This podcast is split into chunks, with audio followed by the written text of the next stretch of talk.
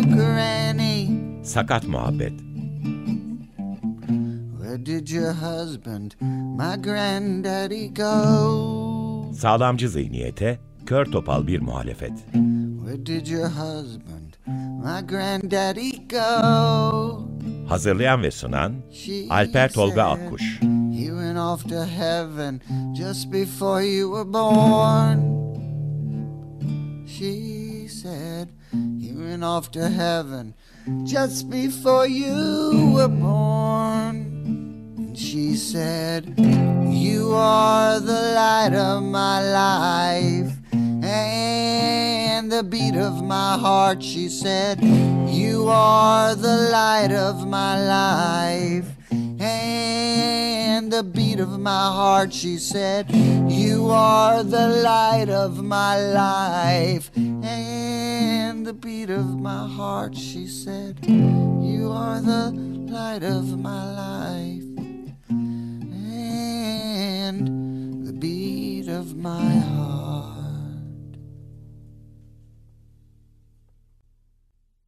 Merhaba. Açık Radyo'ya, Sakat Muhabbet'e, Sağlamcı Zihniyet'in Kör Topal muhalifine hoş geldiniz. Ben Alper Tolga Akkuş. Bugün 1 Ağustos 2023 Salı. Bu haftaki programımızı destekleyen Ulaş Bayraktar'a çok teşekkür ederek başlamak istiyorum ben. 6 Şubat depremlerinin üzerinden 6 aya yakın bir zaman geçti. Sakat Muhabbet'te de depremle ilgili ilk haftalarda 3 program peş peşe yayınlamıştık hatırlarsanız. Ve 6 ay sonrasında bugün yine bu konuya dönüyoruz. Çok teşekkür ediyorum önce konuğuma davetimizi kırmadığı için. Bu hafta Türkiye Spastik Çocuklar Vakfı diğer adıyla Serebral Palsi Türkiye'nin genel direktörü Nigar Evgin'i konuk ediyoruz. Bu programın ayrı bir özelliği de var benim için. 8 Kasım tarihinde ilk programda ben sakat muhabbet tanıtırken kendi sakatlığımı da paylaşmıştım sizlerle. Ben de spastik engelli, yürüme zorlu olan biriyim ve bu haftada Serbest Partisi Türkiye Genel Direktörü ile konuşacağım için ayrıca mutluyum. Nigar Hanım, Açık Radyo'ya hoş geldiniz. Nasılsınız, iyi misiniz? Hoş bulduk. Çok teşekkür ederiz Alper Bey bizi davet ettiğiniz için. Çok mutlu olduk, onur duyduk bu sohbete katılmaktan dolayı. İyiyiz, çok teşekkür ederiz. Ya ben sizle ilgili biraz araştırma yaptım internette de. Ben işte 50 yaşındayım. İstanbul'da yaşıyordum 10 sene öncesine kadar. Şimdi Mersin'deyim ama ben Metin Sabancı'ya yıllar yıllar önce o zamanlar sadece bina vardı. Çevresinde hiçbir şey yoktu yani böyle arazide bir yerdi. O zaman gitmiştim. Hıfzı hocamız da beni gezdirmişti. Nigar Hanım sizi tanıyalım. Nigar Evgin kimdir? Vakfın tarihçesini, serebral palsiyi kısaca özetlerseniz kendi deneyiminizle beraber öyle isterseniz başlayalım programa. Evet, o zaman şöyle başlayayım. Biraz böyle geri sardığım zaman tam 20 senedir Türkiye Spastik Çocuklar Vakfı'nda çalışıyorum. Ben de inanamıyorum. Geçtiğimiz yıl 50. yılımızı kutladık ve neredeyse serebral palsi ile mücadelenin 20 yılına şahit olmuşum. Aslen turizm işletmeciliği okudum ve uzun yıllarda kendi mesleğimi yaptım. Nasıl karşılaştım ben bu vakıfla diye hemen soracaksınız tabii. Tabii tabii. Nasıl bir e, ilişkiniz oldu diye soracaksınız. Çok enteresan oldu aslında. 1997 yılında Türk Spastik Çocuklar Derneği'nin 25. yıl kutlaması vardı ve bir konserle kutluyorlardı. Ben de bu konsere bilet almak suretiyle, derneğe destek olmak suretiyle konsere gitmiştim. O zaman daha tabii çalışmıyordum ve şeye çok şaşırmıştım. Evet, engelli çocuklar için çalışan bir sivil toplum kuruluşu. Fakat acaba spastik bir birey nasıl oluyor? Bilmiyordum. Yani nasıllar? Yani ben toplumda karşılaşırsam kime spastik diyeceğim? Aslında aa evet spastikmiş veya serebral palsiymiş. Farklı bir gelişimsel durumu varmış. Bilmiyordum ve o gün böyle konserde hep gözüm etrafta dolaştı. Dedim ki acaba bir çocuk bir gençle karşılaşacak mıyım? Hiç kimseyle de karşılaşmamıştım. Çok da merak etmiştim. Sonra tesadüfen bana Türkiye Spastik Çocuklar Vakfı'nın vakıf müdürü olmak üzere 2002 yılında bir iş teklifi geldi. Hıfzı Hoca çok şeydir kendisi, çok titizdir. Altı görüşme yaptı benimle. Altı görüşmenin sonucunda Şubat 2003 yılında Türkiye Spastik Çocuklar Vakfı'nda önce vakıf müdürü olarak ve daha sonra da çeşitli pozisyonlarda ve 2012 yılından beri de genel direktör olarak görev yapıyorum. Yaptığım işten büyük keyif alıyorum. Her gün büyük bir heyecanla işime gidiyorum. Böyle bir ilişkim var Türkiye Spastik Çocuklar Vakfı'nda. Tabii serebral palsiyi biraz anlatmak gerekiyor. Haklısınız. Bizi dinleyen çok sayıda şu an dinleyicimiz var. Serebral palsi çocukluk çağında en sık rastlanan aslında bir fiziksel engellilik durumu. Hep böyle bana soruyorlar peki nasıl oluşuyor? Hamilelikte meydana gel fark ediliyor mu, edilmiyor mu? Maalesef edilmiyor. Doğum öncesi, doğum sırası veya doğum sonrasında herhangi bir komplikasyon nedeniyle bebeğin beyninin hareket merkezinde ağırlıklı olarak hareket merkezinde bir hasar oluşabiliyor ve çocuğa bir süre sonra bebeğe doğduktan bir süre sonra serebral palsi teşhisi konabiliyor. Sizin de spastik engelliyim dediniz, söylediniz. Spastik tipi en sık rastlanan tipi siz de biliyorsunuz. Bir yüzde yetmişi spastik tip serebral palsi olarak teşhis alıyorlar. Nedir doğum öncesi, doğum sırası, doğum sonrasında olan olaylar? Mesela annenin doğum hamilelik sırasında ilaç kullanması, ağır stres, travma geçirmesi, sigara içmesi, alkol kullanması bunlar bebeğin beyninde bir hasar oluşturabiliyor. Yine doğum sırasında en çok duyduğumuz şey kordan dolanması, erken doğmak, geç doğmak, yüksek kiloyla doğmak, e, oksijensiz kalması bebeğin hep derler ya bebek oksijensiz kaldı. Bunlar beyinde bir hasara neden olabiliyor. Doğum sonrasında en çok rastlanan şey uzun süreli sarılık, havale geçirmek, yüksek ateş, yine bebeğin düşmesi bunların hepsi aslında bu duruma sebep olabiliyor. Önemli olan ne? Mümkün olan en erken dönemde bir rehabilitasyon programına dahil olması bebeğin. Buradan bir bir şey daha söylemek istiyorum. Annelere özellikle yeni annelere, babalara, ebeveynlere muhakkak çocuğunuzun gelişimini çok iyi şekilde takip edin. İşte mesela bizim çocuğumuz ben de bebekken geç yürümüştüm. İşte e, dayı da zaten geç konuşmuştu. E bizden de kafamı geç tutmuştum gibi konulara girmeyin. Direkt doktorunuzun kapısını çalın. Zamanında bir gelişim göstermiyorsa bebeğiniz muhakkak sorgulayın.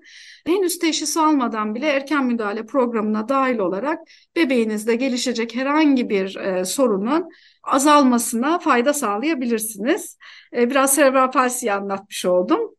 Şey diyeceğim siz 2003'te girdiğinizden önce sakatlıkla ilgili bir deneyiminiz var mıydı? Ailenizde sakat birisi var mıydı? Merak ediyordunuz ama spastikleri. Niye merak ediyordunuz yani? Size bu meraka ne sevk etti? Onu öyle söyleyeyim şimdi. O aklıma geldi. Aslında ailemde ve çevremde özel gereksinimi olan, engeli olan herhangi birisi yoktu ve çok da farkında olduğum bir şey değildi. O konsere gittiğim zaman çok fark ettim. Bir de Erol Evgin benim amcam ve çok uzun yıllar Hıfzı Hoca ile birlikte kol kola bu faaliyetlerde destek olmuş birisi. O hep söylerdi işte bizim engelli çocuklarla ilgili çalıştığım bir sivil toplum kuruluşu var, bir dernek var, sonra vakıflaştı vakıf var. Sadece ondan duyardım. Bir de o konsere gittiğim zaman merak ettim. Yani amcam bu kadar zaman harcıyor, bu kadar ilgi gösteriyor. Bir şeyler yapmaya çalışıyor. Peki yani spastik nedir diye o zaman ondan sonra araştırmaya başladım ve tesadüfen de tekrar yollarım kesişti aslında. Bir şekilde ben böyle e, şeylere inanırım. Hayatınızda bir şey olur, bir yerde dokunur ve ondan sonra farklı bir yerden o yine karşınıza çıkar. Bu tip şeylere çok inanırım. Tesadüf değil aslında. Bu şekilde yani aslında hiç çevremde olmadı ve hala da yok aslında. Arkadaşlarım var bir sürü ama böyle ailem, akrabamda bir engellik durumu yok. Şimdi Aynen ortak öyle. arkadaşımız var Alper Şirvan. Demin de konuşuyorduk sizle programdan önce. Evgin'in amcanız olduğunu o bana söylemişti. Ben de demiştik ki aa demiştim Erol Evgin'i de konuk ederiz. Ya bilemiyorum demişti Alper. Buradan bilmiyorum tabii Erol Bey uygun olur mu olmaz mı? Hala ilgiliyim o konularla. Buradan eğer dinlerse onu da tabii şey yapmayalım yani müşkül bunu bırakmayalım ama Erol Evgin'le de o konseri spastiklerle ilgili çalışmalar aklında olduğu kadarıyla bizim için de çok çok iyi olur. Onu konuk etmek açık radyoda. Buradan böyle kulağına karsuyu derler ya bu sıcak havalarda da karsu iyi de gelir herkese. Öyle söylemiş olayım ben. Evet. Ona da selam gönderelim buradan ismini geçirmişken de. Evet. Vakıf bu 20 yıl içinde siz içindeyken ne gibi faaliyetler yaptı? Kısa kısa anlatırsanız onu da duyuralım tamam. dinleyenlere. Çok kısa biraz geçmişinden başlayayım. Çünkü biliyorum biraz sonra bana bir şarkı sor soracaksınız ve ben onu e, biraz buraya bağlamak istiyorum. Hıfzı Özcan'dan bahsetmiştik kurucumuz bir çocuk nöroloğu kendisi. 1970'li yıllarda yurt dışına çocuk nörolojisi uzmanlığı almak için eğitime gittiği zaman demişler ki e, yani uzak doğudan Türkiye'den bize çok fazla engelli çocuk geliyor. Özellikle serebral palsi teşhisi almış çocuklar geliyor veya almak üzere geliyorlar. Niye siz Türkiye'de bir sivil toplum kuruluşu kurmuyorsunuz demiş. Ve hoca Türkiye'ye döner dönmez 1972 yılında ailelerle bir araya gelerek yani hastanede takip ettiği ailelerle bir araya gelerek önce bir dernek kuruyor. Küçük bir apartman dairesinde başlıyorlar ve çok kısa süre sonra Sabancı ailesinde Sakıp Bey'in de desteğini alarak Acıbadem'de bir merkez kuruyorlar ve 1989 yılında da vakıflaşarak aslında sizin biraz evvel bahsettiğiniz o böyle tarlaların ortasındaki Metin Sabancı Merkezi 1996 yılında hizmete açılıyor. Yani aslında hep e, Hıfzı Hoca'yı anarken aramızdan ayrılışının 12. yılı hep e, anıt adam diye anarız e, ve Serva Palsi'ye hayatını adamış kişi olarak anarız kendisini. Böyle sesim birazcık Hıfzı Hoca'yı e, anınca biraz üzülüyorum çünkü kendisinde de 7-8 yıl e, mesaim de oldu. E, tabii ben 2003 yılında çalışmaya başladıktan sonra bir süre tabii hem e, bu engellik durumunu tanımaya çalıştım hem de vakıfçılık nasıl yürüyor? Yani bir sivil toplum kuruluşu faaliyeti nasıl yürür onu anlamaya çalıştım. Ve kısa süre sonra hepinizin de bildiği gibi, sizlerin çok iyi bildiği gibi 2007 yılında engellilikle ilgili bir yeni kanun çıktı. Engeller Kanunu diyoruz kısaca biz ona. E, Diye hatta kısaltıyoruz da. Evet evet kısaltıyoruz ve bu kanun kapsamında biliyorsunuz devlet eliyle yürütülen eğitim ve rehabilitasyon hizmetleri Milli Eğitim Bakanlığı'na bağlandı.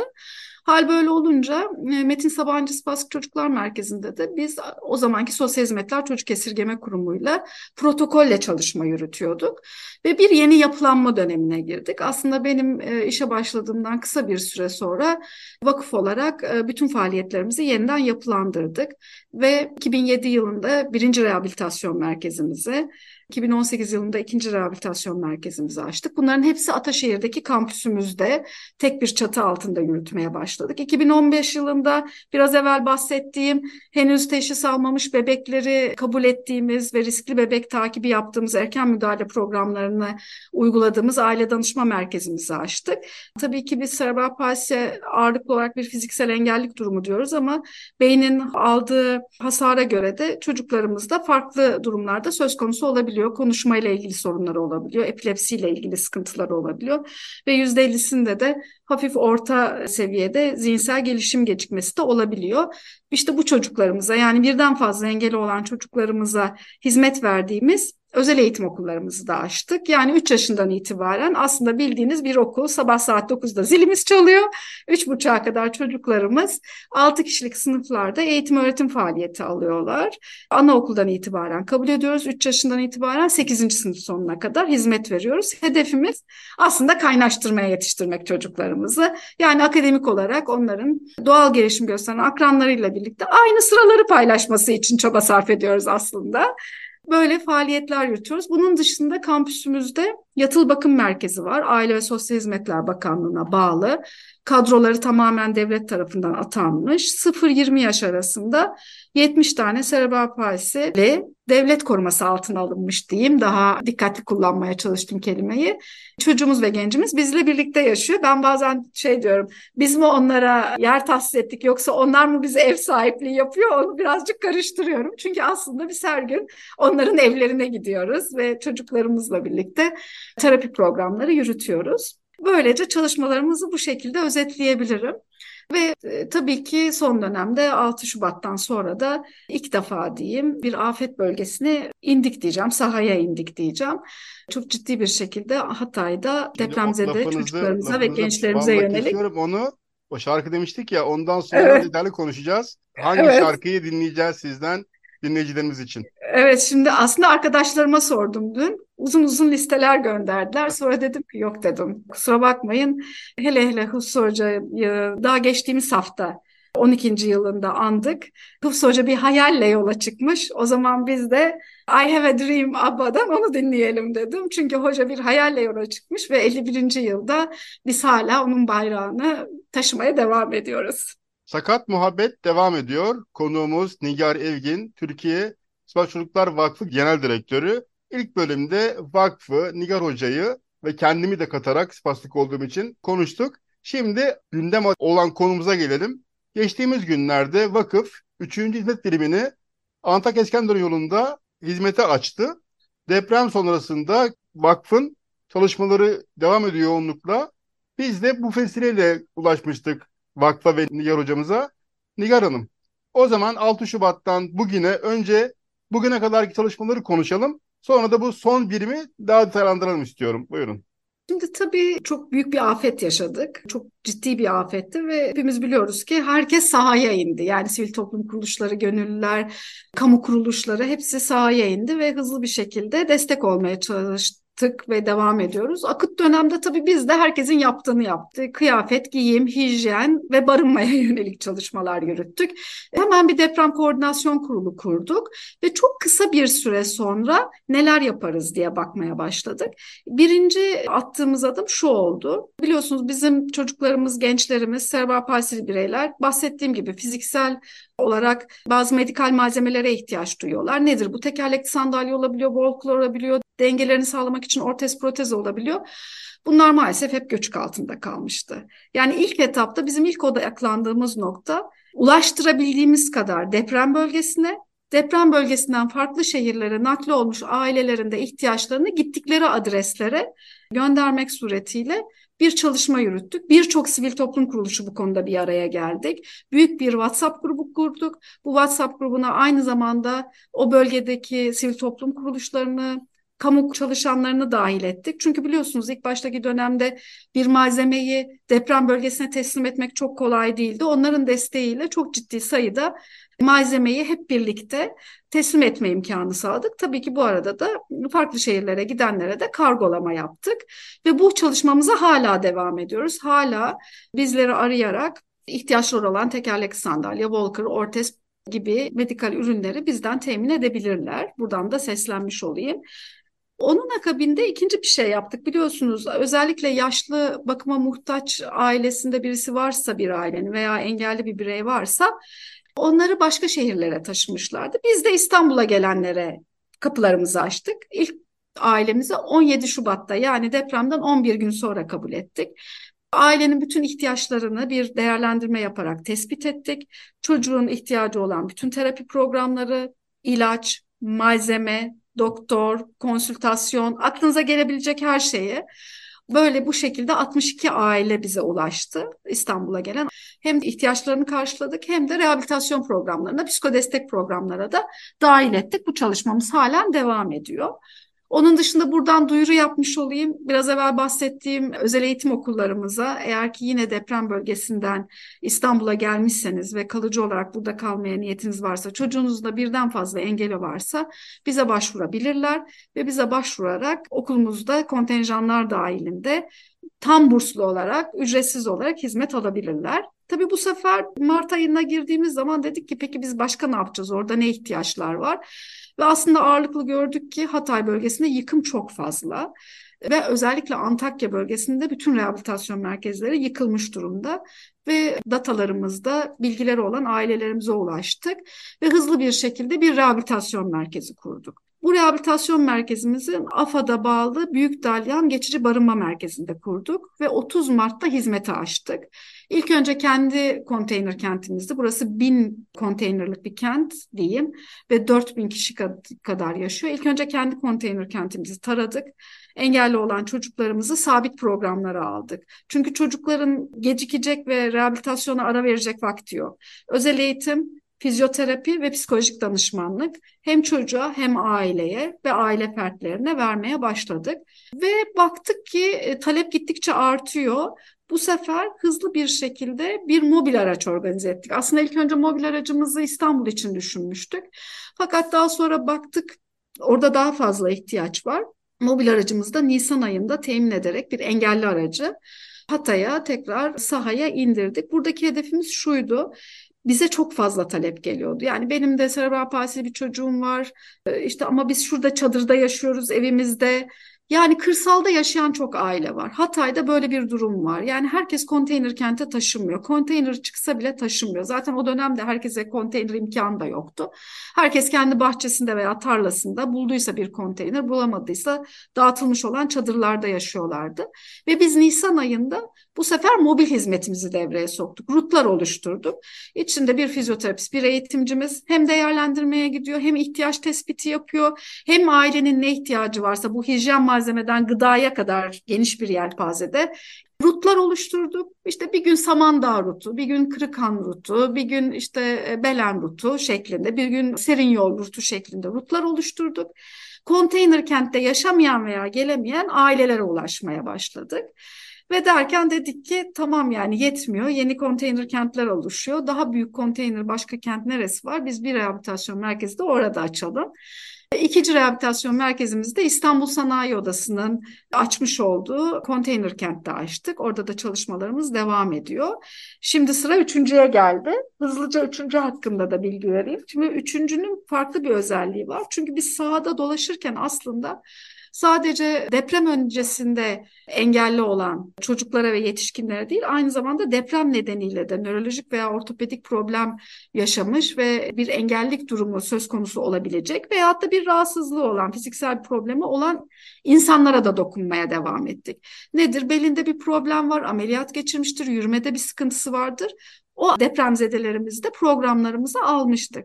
Tabii ki sahada dolaşırken ampute çok fazla vatandaşımızla karşılaştık.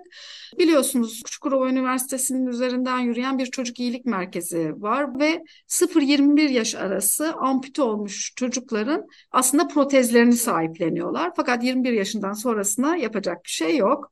Maalesef şu an devlet sisteminde biraz daha yavaş yürüyor. Böyle olunca biz bir taraftan çocuk iyilik merkeziyle birlikte hareket ediyoruz. Çocukları tespit ettiğimiz çocukların muayeneleri yapıldıktan sonra e, sisteme giriyoruz. Protez öncesi, protez takım süreci ve protez sonrasındaki rehabilitasyon süreçlerimizi bu üçüncü merkezimizde yapacağız. Yani sadece serebral palsi veya fiziksel problemi olan çocuklarımıza, gençlerimize değil, aynı zamanda depremde bir uzuvunu kaybetmiş, el, kol, bacak, ayak e, olabilir. Protez süreçlerini desteklemeye, koordine etmeye ve rehabilitasyon süreçlerini yürütmek üzere kollarımızı sıvamış bulunuyoruz. Bizim bir, bir birebir takip ettiğimiz 8 çocuğumuz var. Bunlardan bir tanesi İstanbul'da. ismini vermeyeceğim. Çok tatlı bir bebeğimiz diyeceğim. Onun protez takma süreci tamamlandı. Şu an protez sonrası rehabilitasyonu devam ediyor. Maalesef annesini ve ablasını kaybetti ve sadece tatil için oraya gitmişlerdi. Ve babası ve babaannesi bakıyor. Çok seviyoruz kendisini Nisan ayından beri bizle birlikte. Geçen hafta Hatay'daydım. E, çok sağ olsun Hasan Kalyoncu Üniversitesi'ndeki dekan hocamız Profesör Doktor Kezban Bayramlar kendisi protez konusunda oldukça buradan teşekkür etmek istiyorum tekrar. Ee, kendisi deneyimlidir. Hatay'da ailelerimizin ve çocuklarımızın konsültasyonlarını gerçekleştirdik ve hızlıca süreçlerini yürütüyoruz. Bir annemizin 30 yaşlarda bir annemizin protezi dün takıldı. Videosu geldi. O kadar mutluyum ki kızının da yine başka bir şey ayak silikon ayak çalışması da başlamış oldu. Tabii burada önemli olan koordinasyonu yürütmek. Ailelerin çünkü kapı kapı dolaşacak hali yok. Onun için o birimi aslında koordinasyon birimi olarak kullanacağız. Teknik ekiplerin oraya geldiği, ölçümlerini aldığı, fondan destekleyecek e, kurumlara yönlendirme yapıldığı, ailenin tek bir fizyoterapist tarafından takip edildiği, çocuğun, bireyin tek bir fizyoterapist tarafından takip edildiği, gerekiyorsa psikolojik destek sağlandı. Bir yapı oluşturmaya çalışıyoruz. Tabii bunun yanı sıra bir de ameliyat e, yaptığımız çocuklarımız var. E, yine bir cömert bağışçımızın desteğiyle ve buradan yine ismini anmak istiyorum ve teşekkür etmek istiyorum. Profesör Doktor Muharrem İnan da gönüllü bir şekilde Altay'a gelerek çocuklarımızın ameliyatlarını gerçekleştiriyor. Burada da o koordinasyonu yine sağlıyoruz. Sahada ameliyata ihtiyacı olan çocukları tespit ediyoruz, röntgenlerini çekiyoruz, hazırlıklarını yapıyoruz, hocalara gönderiyoruz. Bu şekilde çalışmalarımızı yürütüyoruz. Ağırlıklı koordinasyonu yürütüyoruz ve tek elden takip edilmesini sağlıyoruz. Böyle üçüncü birimizimizin de misyonu bu şekilde olacak. Bu arada tabii çok önemli bir şey de var. Beş tane kalıcı fizyoterapistimiz ve eğitimcimiz de Hatay bölgesinden istihdam ettik. Yani bölgeden istihdam, yerel istihdam da gerçekleştirdik. Aynı zamanda transferi sağlayan Mehmet abimiz de çocuklarımızın bütün transferlerini sağlıyor. Yine kendisi de Hatay bölgesinden. Onun dışında her 15 günde bir İstanbul'daki ekiplerimizden arkadaşlar gidiyorlar. Hem oradaki ekiplerimizi destekliyorlar hem sahada yeni e, talepleri değerlendiriyorlar. Bu şekilde çalışmalarımıza devam ediyoruz. Yani siz dinlerken bir de şu an ben sizi tabii görüyorum. Dinleyenler göremiyor ama o heyecanınızı, mutluluğunuzu da gördüğüm için hiç araya girmek istemedim. Çok mutlu etmiş sizi. Öyle görüyorum. Siz tabii o insanların da mutluluğuna şahit olduğunuz için o yansıyordur size diye tahmin Evet. ediyorum. Son olarak neler söylemek istersiniz Sakat Muhabbet'te? Bizi ağırladığınız için çok teşekkür ediyorum. Bir şey fark ettim ki aslında sosyal medya hesaplarımızı söylemedim. www.tscv.org.tr den bizi takip edebilirsiniz. Instagram hesaplarımıza, Facebook hesaplarımıza, oradan ulaşabilirsiniz Twitter hesaplarımıza. Ve tabii ki tekrar depremzedelerimize seslenmek istiyorum. Bize e, ulaşabilirsiniz telefon numaralarımızdan. 724 çalışan bir telefon hattımız var. 0546 961 38 10.